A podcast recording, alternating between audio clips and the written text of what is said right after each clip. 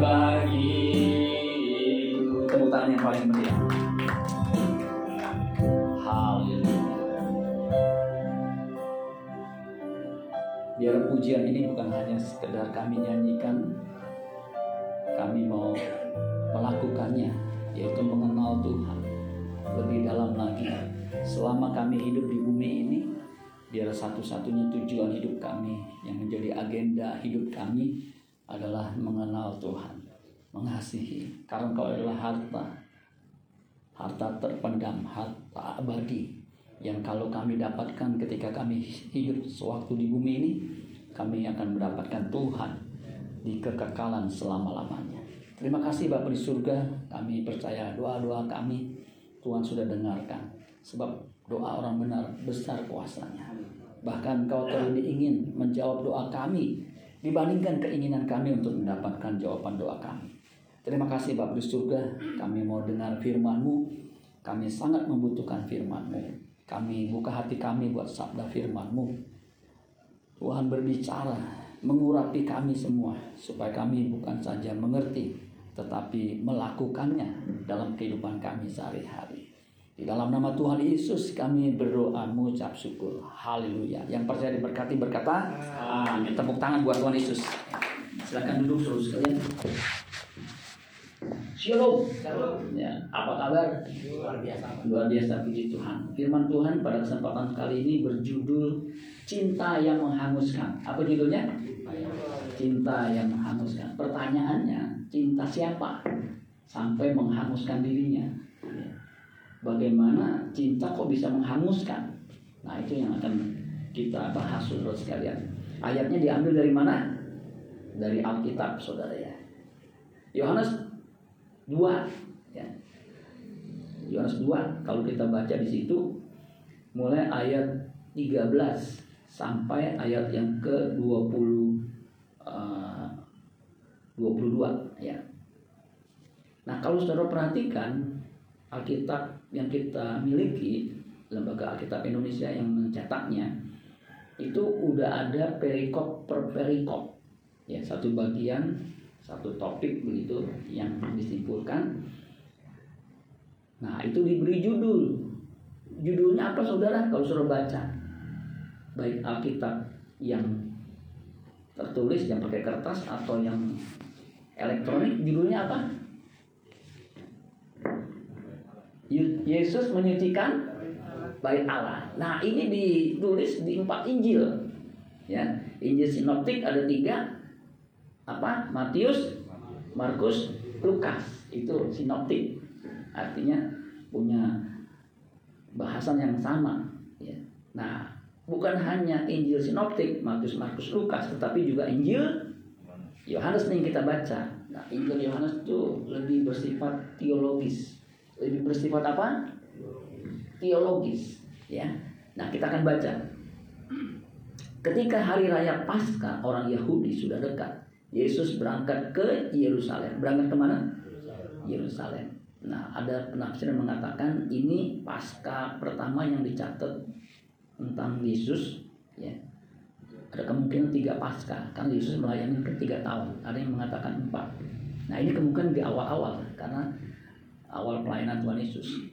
Dalam bait suci didapatinya pedagang-pedagang lembu, kambing domba, dan apa? Merpati. Jadi itu lembu, kambing, atau domba dan merpati itu adalah binatang-binatang yang dipersembahkan. Nah, itu dijual tuh di situ. Ya, didapati pedagang. Berarti kan dijual. Ya, lembu. Lembu tuh persembahan penebusan dosa, ya, kambing domba itu sama ya. Tergantung ya, siapa yang mempersembahkan. Dan merpati, merpati itu persembahan orang susah, orang miskin. Selain lembu, kambing domba sebagai persembahan yang di bait suci kan ada korban bakaran dan penukar-penukar uang duduk di situ duduk di mana di situ ini di bait Allah bait Allah itu biasanya digunakan untuk orang-orang non Yahudi beribadah di situ nah penukar-penukar uang itu yang duduk di situ itu untuk nukar money changer karena untuk bait Allah menggunakan uang yang namanya ada yang tahu uang apa? Do, dolar bukan. Uang apa namanya? Si sikal. Nah, orang yang usia 20 tahun ke atas, orang Yahudi sah, wajib memberikan persembahan buat bait Allah sebesar 11 uh, setengah sikal. Nah, karena persembahannya mesti sikal, makanya ada penukar, ada money changer. Duduk di situ. Sudah tahu money changer untungnya dari mana? Dari spread, dari margin, jual beli. Begitu saudara. Misalnya ini kayak saya pernah ke uh, ke Filipina. Itu Filipina mata uangnya apa ya? Peso. Nah, saya tukar dulu di sini. Ya. Kalau di sana lebih mahal. Saya tukar secukupnya buat jajan bakso segala macam ya. Di Filipina kan ada jajanan juga ya. Tukar. Kemudian ketika saya kembali, peso kagak laku di sini. Ya. Coba aja kasih peso, uang peso ke Pandang. Apaan nih Pak? Gitu ya. Padahal itu uang juga. Tukar lagi ke sini. Ya, makanya tukar-tukar itu yang untuk money changer. Nah, ini sama nih. Ya, yang beredar pada waktu itu kan uang Romawi. Ya, koin Romawi yang ada kaisar. Harus ditukar. Nah, mumpung kesempatan nuker, nah itu digetok dah. Begitu saudara ya. Nah, sama lembu sapi, kambing domba itu harus beli di situ. Kalau beli mendadak, beli keperluan mendesak, pasti harganya mahal. Kambing satu ekor kira-kira berapa sekarang? Pada berapa? Satu ekor kambing bukannya bukannya lembu. Berapa Pak Sinyo? Ah, sekarang cuma empat, empat ya. Kalau sudah bisa nawar bisa tiga juta setengah. Tapi yang konten, nah itu bisa mahal ya belinya mungkin 4 juta atau 3 juta setengah. Jual sini 6 juta.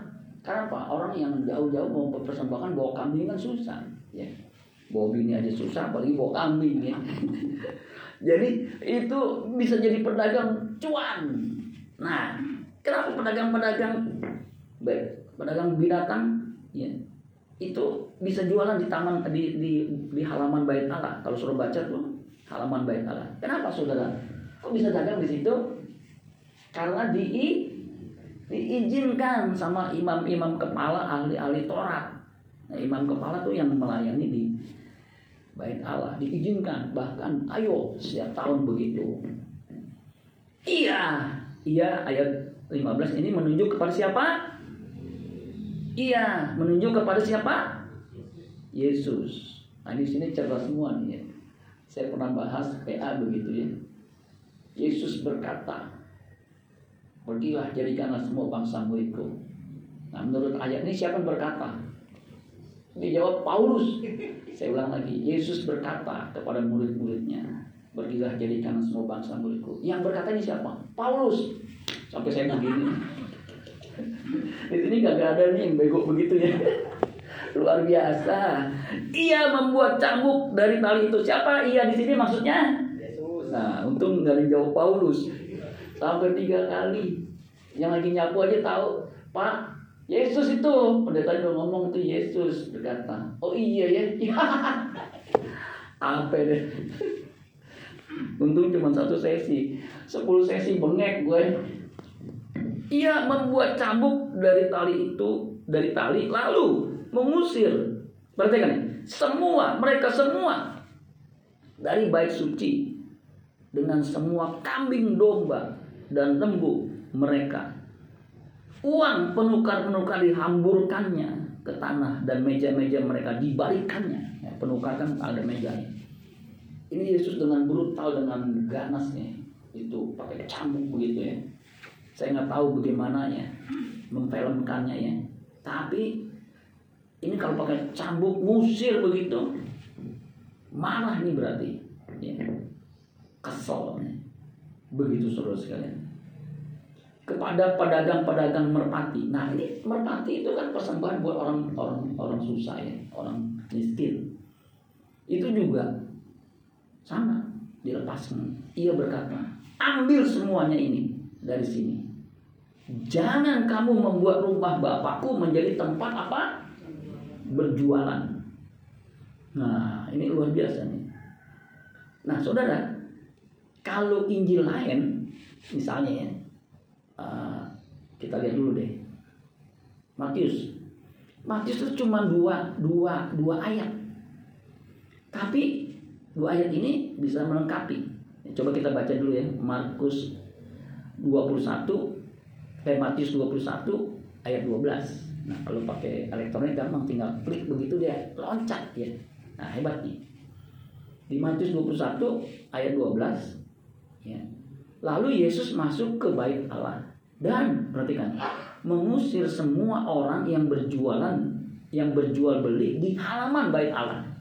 Tadi Yohanes tidak menuliskan di mana jualannya, tapi yang pasti kalau udah pasti jualan nggak mungkin di dalam ruang suci atau apalagi orang maha kudus nggak mungkin ya. Ya, di bait Allah. Ia membalikkan meja-meja penukar uang dan bangku-bangku pedagang merpati dan berkata, perhatikan, dan berkata kepada mereka. Siapa yang berkata kepada mereka? Nah, ini pintar semua saudara ya. Nggak bikin budek ya. Ada tertulis rumahku akan disebut rumah doa. Nah, ini ayatnya diambil dari Yesaya ya. Yesaya 56 ayat 7. Tetapi kamu menjadikannya sarang apa? Penyamun. Penyamun sama dengan apa? Penyamun Penyamun sama dengan apa, Pak?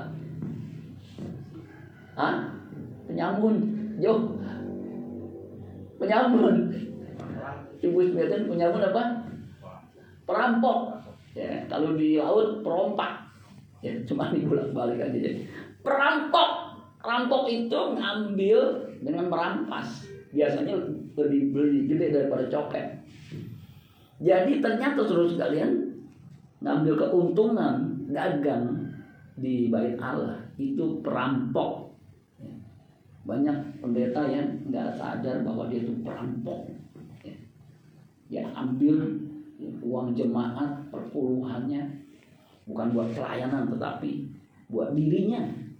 Ya, dengan ngancam beri maka kamu akan beri satu takaran yang baik akan diukurkan kepadamu. Kalau kamu memberi banyak maka akan diberi banyak. Begitu. Ya. Kamu akan menuai 30, 60, 100 kali lipat. Orang bayangin 60, 30, 100 kali lipat. 100 kali lipat sampai dengan 10 ribu persen.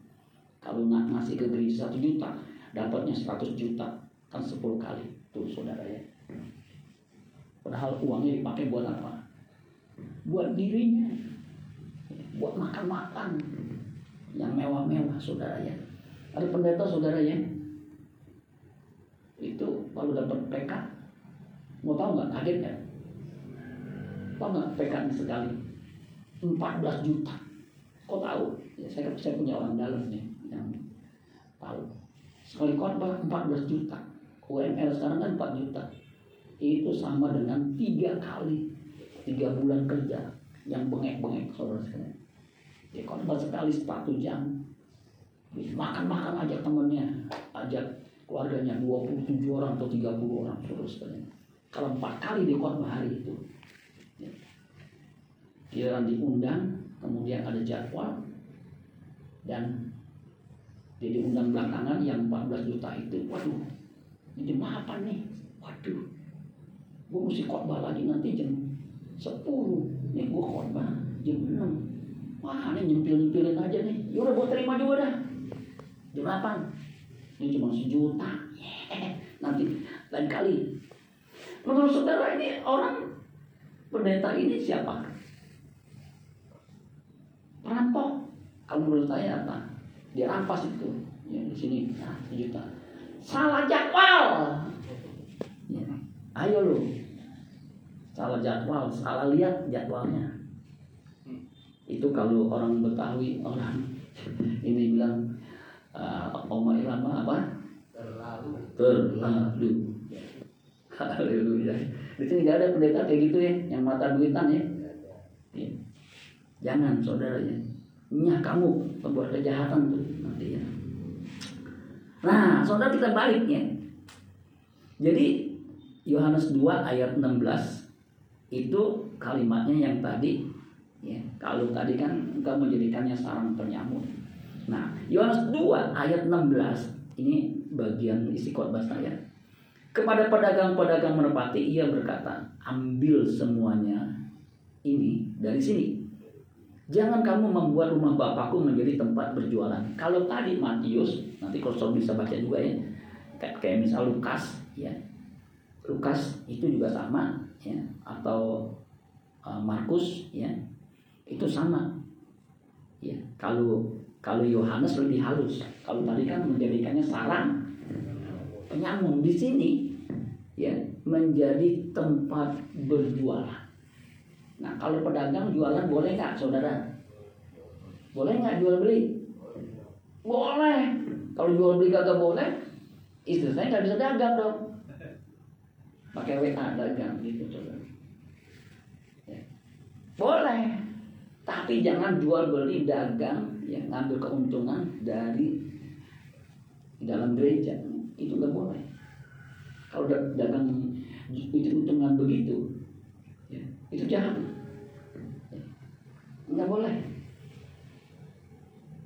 Yang dagang di sini ya itu dia bukannya buat ini nggak masalah. Ya ada yang saya bilang pak boleh nggak saya dagang? Ya boleh saya bilang. Nggak mengganggu. Lagi pula kan itu memang buat penghasilan. Ya, begitu. Ada yang jahat mulutnya. Oh jual beli tuh nggak boleh tuh lihat tuh Alkitab. Lu penyamun lu waduh itu mem memakai Alkitab untuk mukul orang. Ya tujuannya didengki sebab apa? Dia jualan dapat untung kan ya? Ya nggak apa-apa. Dia nggak kerja lagi. Dia, gak, dia boleh jualan di situ. Saya boleh. Ya bapak ngasih. Kalau yang lain gimana? Ya jangan dengerin. Yang penting kalau memang ditolak pinggangin. Lu nggak boleh jualan di sini. Lu tahu nggak? Yesus berkata nyah kamu pedagang lu penyamun nanti kita diskusi dengan pendeta ya betul nggak tuh ayat kalau ini intensi Intensi apa tuh Pak Andi? Intensinya uh, si imam imam kepala sama ahli tolak itu tiap bulan tuh dapat ada yang mengatakan ya oh, cuannya gede banget makanya mereka tuh pakai jubah-jubah yang bagus saudara ya. ya. Cuannya gede di sini karena orang datang kan begitu namanya beribadah. Kan ya. Wah lembu dapat untung sejuta, wah ini kan ratusan orang. Itu kaya luar biasa saudara. Ya. kalau dia pikir nah pada waktu itu pemikirannya kalau kaya itu bukti Tuhan cinta dia. Bukti Tuhan itu berkenan. Kaya. Begitu saudara. Diberkati. Ya kalau kere nggak ada berkat Tuhan Tuhan tidak berkenan. Jadi makin jahat. Begitu. Makanya Yesus tuh emosinya sampai ke ubun-ubun tahu ubun-ubun. Langsung naik cabut nggak pakai nasihatin lagi. Nggak bilang bu bu pak pak jangan jualan di sini ya. Karena di sini kan rumah Tuhan. Di sana aja tuh. Di mana? Situ. Nanti saya siapin lapaknya ya. Pak pak enggak nggak pakai begituan. Karena memang yang memfasilitasi untuk jualan di bait Allah sehingga orang dirugikan keuntungannya luar biasa itu bukan hanya jahat tetapi sangat jahat. Ya. Makanya saudara kalian, saudara sekalian, ya, cinta akan uang itu akar dari segala kejahatan. Ayatnya di mana? Di Alkitab. 1 Timotius 6 ayat 10 kalau masalah ya. 10 apa berapa tuh? Bukan saudara cari ya. Itu jahat saudara sekalian. Ya. Sama ini. Ini imam-imam mana? kalau selalu baca nanti ya. Itu sampai nanti ada usaha untuk membinasakan Yesus. Ya, ayatnya di mana tuh ya? Saya baca ya. Itulah sebabnya ya. Mereka ingin apa bermaksud membinasakan Yesus. Ya, kalau nggak salah di coba kita lihat dulu ya. Tuh, itu kan jahat saudara sekalian. Di mana ayatnya itu ya?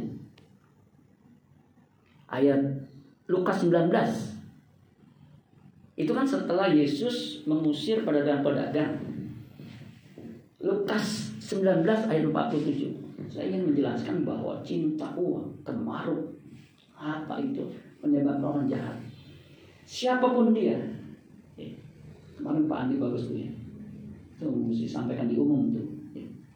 Uh, apa namanya iman kandas itu karena apa? Hati pahit, hatinya itu nggak murni. Itu hati itu kalau nggak murni saudara bisa membinasakan. Nah, ini sama nih. Lukas 19 ayat ayat yang ke 4, 44 ya. Nah, kalau saudara baca kan setelah Yesus ya sorry ayat yang ke 47. Nah, ayat 45 dan 46 itu kan ya Yesus masuk ke bait Allah mulai mengusir semua pedagang ayat 46 katanya kepada mereka ada tertulis rumahku adalah rumah doa tetapi kamu menjadikannya sarang penyamun. Ayat 47 tiap-tiap hari ia mengajar di dalam bait Allah yang tadi tuh yang dijadiin pedagang tuh tiap hari imam-imam kepala dan ahli-ahli Torah serta orang-orang terkemuka dari bangsa Israel berusaha untuk apa? Berusaha apa? Membinasakan, destroy. Kalau Alkitab yang terbuka atau bahasa Indonesia masa kini atau Indonesia melalui Babel, eh, Indonesia melalui Bible itu membinasakan memakai bahasa apa? Kalimatnya katanya apa? Membinasakan. Ada yang bisa buka apa? Membunuh. Tuh, saudara. Pembunuh nggak ada yang masuk surga. Ada nggak pembunuh masuk surga? Nggak ada. Nggak ada, saudara. Waduh, ini waktu saya baca Yohanes murid Yesus ini luar biasa ya. Ngambil itunya ya. Ini belum masuk ke yang paling inti nih. Ya. Jadi saudara sekalian, ya balik ke Yohanes tadi. Jadi menjadikan tempat berjualan itu sama dengan penyamun. Perampok itu kan sama dengan uh, mencuri. Ya. Hukum Taurat jangan mencuri, jangan membunuh. Nah, itu sama tuh sejajar. Ya. Jadi saudara jangan sampai ya ini ya kalau kita berpikir jangan sampai kita pelayanan nanti kemaruk. Kemaruk, kemaruknya bukan hanya uang aja. Ya, semua dia mau gitu. Semua dia yang lain bodoh amat. Oh, itu jahat saudara. Itu uh, pembunuhan karakter ya. Makanya hati itu penting tuh, hati nurani itu. Ya. Makanya yang bisa membersihkan cuma firman. Ya. Firman itu akan menegur, memperbaiki kelakuan, tuh, mengkoreksi, ya, mengingatkan. Ya. Nah orang yang nggak bisa diingatkan itu jadi keras hatinya, sehingga nggak bisa dibilangin. Nanti jawabannya, gua orangnya memang begini, gitu saudara. Lalu kalau gue begini terus lo bisa binasa. Ya. Udah diingatkan, hmm, nggak mau berubah. Ya. Nah, saudara, sama. Kalau kita masih bisa dinasihati oleh firman, ketika dengar firman begini, aduh, jangan malah ngamuk sama pendetanya. Ada orang ya, pendeta ditonjok sama jemaatnya karena dia tersinggung dia tersinggung yang masih berzina, yang masih selingkuh, jahat loh, nanti masuk neraka loh. Ya. Kalau ada satu pendeta saya dengar langsung, di sini siapa yang masih berzina, bahkan ke gereja di sini sama selingkuhannya, jangan ambil persembahan, nanti kena kutuk loh. Saudara begitu. Pasti gereja yang besar, gerejanya mewah di mall, ada nggak orang ke gereja sama selingkuhannya ada nggak? Ada nggak Pak Andi? Kalau di gereja kita mungkin kecil ya. Karena gereja kecil. Ada nggak Pak Andi? Ada. Waktu saya dengar, wih, saya sih belum berani kayak gitu ya. Yang datang ke gereja sama selingkuhannya, yang bukan istri sahnya, jangan ambil persembahan, jangan ambil perjamuan. Najis loh. Ya. Jangan. Saya kaget juga begitu saudara. Ya. Saya bingung. Kok selingkuh ya banyak saudara. Ini gimana Pak Iksan? Ya. Selingkuhan ke gereja. Menurut saudara gimana saudara? Terlalu saudara gimana tuh? Ya. Eh ketemu lagi sama istrinya. itu selingkuhan suami saya lihat aja tuh ada di situ. Eh dia ngambil perjamuan saudara. Emang gue pikirin ya capek deh. Nah, kita masuk nih ayat yang ini nih ya. Jadi menjadikan gereja rumah Tuhan itu berjualan untuk ambil keuntungan buat diri karena cinta uang. Itu jahat akar dari segala kejahatan. Ya. Jangan saudara ya. Rohaniawan nggak kebal terhadap kayak gini-gini. Ya. Jangan jangan pikir yang saya cerita itu bukan hanya satu. Ya. Ada satu lagi. Saya tahu karena apa? Saya pas khotbah di situ. Pas khotbah di situ, dia saya lihat tuh ini bukannya minggu lalu dia khotbah iya. Ini saya undang, ya. Eh tiba-tiba dia batalin. Begitu. Loh, kenapa? Gak tahu tuh. Katanya dipanggil gembalanya untuk pelayanan, jadi batal. Kok bisa ya? Bisa. Aduh, saya bilang, kok bisa ya? Ya bisa itu. Kenapa? Saya kan tahu saya korban di situ PK-nya. Dia korban di mana? Saya tahu juga PK-nya di situ. Jadi yang dia batalin itu PK-nya lebih yang dia batalin. Ini kalau dagang kan murah, ya. Nah kayak begitu tuh. Kok bisa ya? Ya bisa ini faktanya. Ya. Jadi jangan saudara, nggak boleh. Amin saudara sekalian. Ya, kalau saya kalau itu itu kan soal duit saudara sekalian. Maaf kata ya, maaf kata ya, maaf ya. Di sini pelayanan uangnya nggak nggak cukup. Ya. Kalau saya waktu di Citibank, saya kan pindah tuh dari Astra ke Citibank. Itu gaji pokoknya tiga kali lipat, tiga kali lipat. Pernah sampai amal lebur, pas dihitung lima kali lipat, kali lipat kan sama dengan dapat bonus saudara sekali ini. Bonus kan minimal ada dua kali lipat atau tiga kali lipat. Tuh. Jadi pas dapat bis enak nih gede nih. Nah istri saya tuh waktu itu, ya. waktu itu kan belum meninggal ya. Saya bilang, ayo minum apa aja, minum apa aja. Nah orang susah kan kalau pantau termasuk mewah betul. Pantah, pantah, pantah. Saya kan pernah Kentucky, Kentucky kan juga makanan enaknya. Ada yang lebih enak dari Kentucky di tempat saya itu. Dulu kan kita nasinya dua, ayamnya satu supaya kenyang kan. Saya bilang nggak pakai nasi, nggak pakai nasi. Ayam dua sama kentang anu burger. Ya, begitu saudara. Jadi waktu makan maknyum ya nggak takut habis ayamnya ya gitu ya. Ayamnya maunya dada sama pentungan ya. Begitu. Nah itu kalau uangnya banyak kan begitu saudara sekalian. Pikiran maknyus. Ya. Nah, jangan jualan. Ya. Kalau enggak, bengek. Saya full time lebih lama daripada saya kerja. Ya, kan 2003, ini kan 20 tahun. Saya kerja kan 20 tahun. Ya, begitu. Nah, dari Jo, Jo, Pak Iksan, Jo waktu doa pagi kan, itu masih orang. Masih gitu tuh. Baru saya bilang sama busnya tuh. Oh, ini pada nggak tahu masih di kandungan. Pas lahir diajak, digelar. Sekarang lebih tinggi dari saya. Eh lebih ganteng dari saya lagi saudara ya. Puji Tuhan. Saudara jangan jual beli di gereja. Saudara saya beritahu ya, Tuhan bisa berkati dengan cara yang lain. Saya lihat berkat Tuhan itu luar biasa. Jujur waktu saya di Citibank, ya, PQ saya, physical question saya itu nggak sebagus sekarang. Kenapa saya bisa tahu itu? Kalau dulu saya pusat nggak nggak bisa kuat lebih dari 40, nggak kuat. Ya. Setelah saya pensiun, saya pelayanan, saya pernah pusat sekali itu bisa 100. Saya cobain, begitu saudara. Sekali, bukannya 100 itu sebulan, bulannya. Saya coba bisa loh 100 ya. Nah, sekarang kan saya kurang-kurang ini. Jadi itu kan jelas. Saya dulu waktu saya kerja, saya kerja nggak bisa pull up, setengah mati. Ya. Saya bikin udah empat tahun atau lima tahun lalu itu.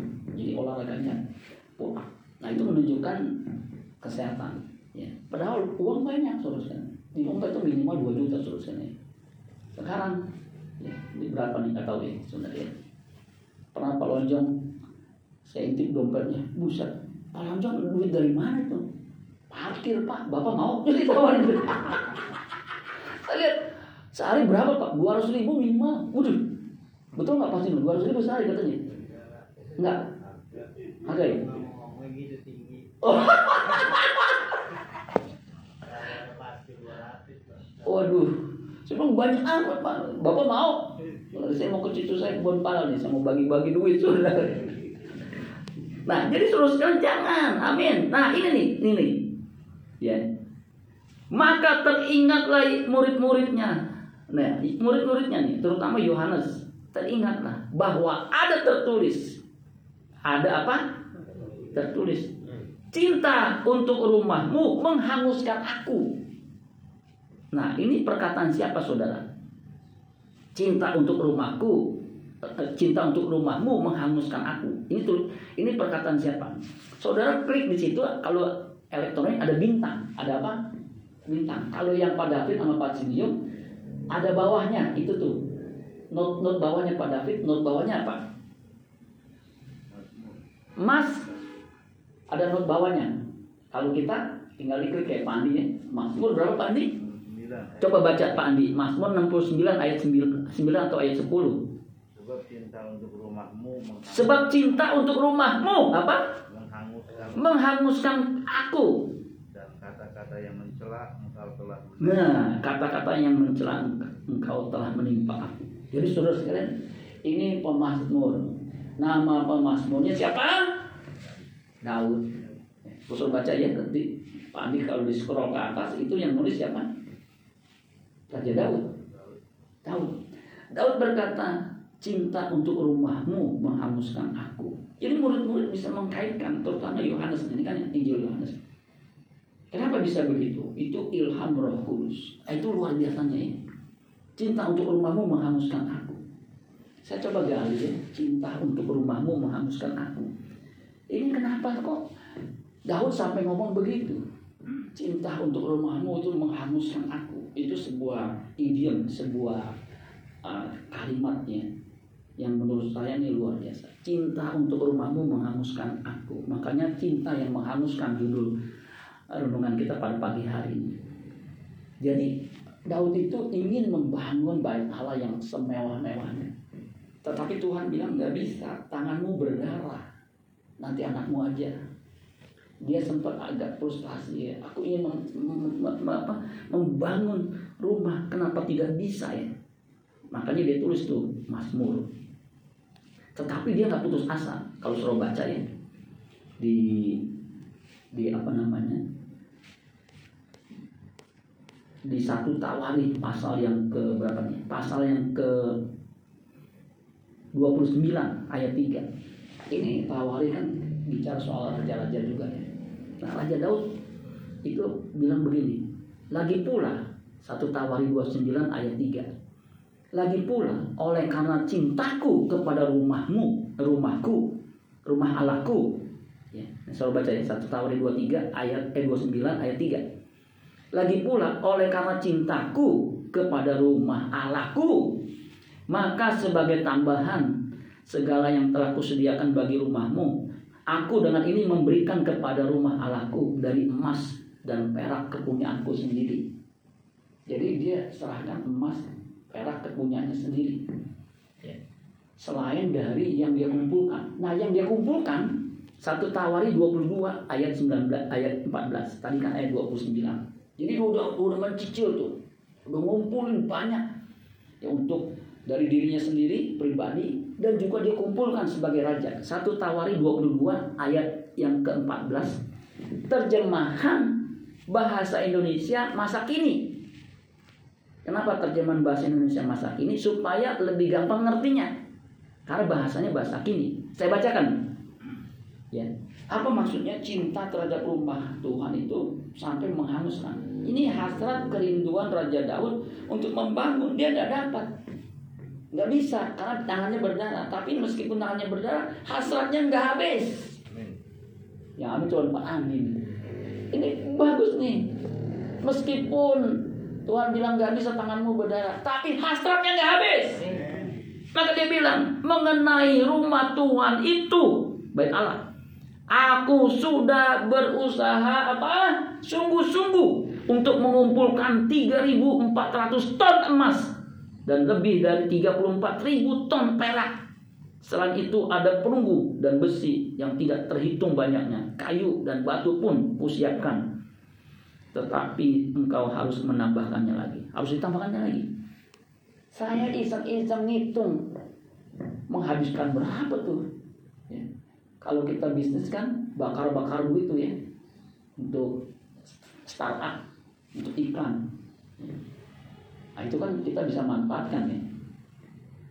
Nah ini berapa banyak duit? 3.400 ton. Itu berapa kilo? Berapa kilo? Aduh saya sampai ngitungnya saya bingung ya saya hitung ulang-ulang. 3.400 ton. Satu ton sama dengan berapa kilo? 1000. 3.400 kali 1000. 3 juta 400. Kalau satu kilo berapa gram? 1000 gram. 1000 gram. Berarti kalau satu ton berapa gram? berapa? Satu ton berapa gram Pak Iklan? Itu kan dengan pedagangnya. Busnya tuh satu satu ton berapa gram? Sejuta juta. Kalau 3.400 ton itu berapa juta gram? Enggak gram dulu Pak, gram. Berapa? 3 3 miliar 400 juta gram. Eh pedagang emas nih ya, pada emas. Bingung kan itu ya bisnisnya tuh, saya juga bingung.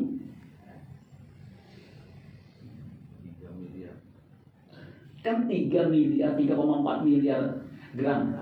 Satu gram emas berapa? Sejuta. Kali 3 miliar 400 itu berapa tuh? Kalkulator kagak cukup dah. Kagak cukup. Udah dah biar gampang ya saudara sekalian nih. Saya hitungin. Jadi emas 3.400 ton itu satu gramnya satu kilo, eh satu satu gramnya itu satu juta. Berarti uang rupiah sekarang 3.400 triliun. 3.400 triliun nolnya berapa? Hitung sendiri deh ya. Nah, biar ada gambaran. Kalau angka itu supaya ada gambaran, selalu ada tahu ya, ada gambaran, makanya ada pembanding. Ya. APBN kita tahun 2023 itu 2.774 triliun. Ini kan 3.400 triliun, masih kalah sama emas yang dikumpulkan buat Baikala. Belum yang lainnya tuh. Belum tadi saya belum hitung perak nih. Emasnya aja dulu. Itu APBN 2023 yang diambil dari 2443 itu untuk bansos berapa? Ada yang tahu nggak bansos? Yang kemarin dibagi-bagi, emang nggak dapat bansos ya? Hah? Hah? Berapa? Ah, 400 triliun. Mau tepatnya 433 triliun. Kok Bapak tahu? Ya gua rapat sama Menteri Keuangan. 433 triliun itu diambil buat bansos. Ya. Nah, APBN 2024. Nah, tahun ini nih, ya, udah diketuk ya. Kemarin pasti udah rapat anggaran sama dapat DPR. Kalian tahu APBN-nya 2024 3.324 triliun. Masih kalah 1.000 triliun. Artinya apa saudara sekalian? Kenapa Bapak ngitung begini kok? Artinya Daud itu habis-habisan dia kumpulin untuk baik Allah. Eh dipakai buat dagang. Orang tua kepala bilang suwe banget loh, kurang ajar banget loh. Makanya saya bisa menghayati tensi Yesus itu sampai ke ubur-ubur langsung dia ngamuk. Tuh saudara, gila ya, itu kan nggak boleh. Nah, sekarang kita langsung prakteknya. Kalau udah waktunya udah habis nih. Jadi saudara ya, saudara ya, mungkin ada eh, rencana Tuhan juga. Saya cukup detail menerangkan ini. Ya. Kalian kan mesti tekun, cari gitu ya, bandingin, analisa ya. Jadi Yesus itu ya hasratnya, gairahnya, makanya kan kalau cinta itu kan bisa gairah ya. Uh, itu seperti Daud nenek moyangnya tuh habis-habisan sampai gak yang sisa dikasih semua meskipun hasratnya tidak tercapai tetapi Ya, dia tunjukkan dengan tindakan. Nah Yesus juga begitu. Ya, nenek moyangnya Daud. Makanya ketika dia lihat bait Allah seperti itu, itu gairahnya luar biasa. Makanya timbul tuh Yohanes yang dekat sama Yesus tulis cinta terhadap rumahmu menghanguskan aku. Itu menunjukkan cinta Yesus itu cintanya itu terhadap Bapak itu nggak ada duanya. Nah, kita harus punya punya gairah seperti Yesus ini habis-habisan. Ya. Makanya kita juga mesti habis-habisan, amin. Sampai menghanguskan. Saudara tahu nggak hangus? Hangus itu hilang. Jadi kalau kertas dibakar kan hangus ketika dipegang ada volumenya nggak? Ada tapi dikit gitu.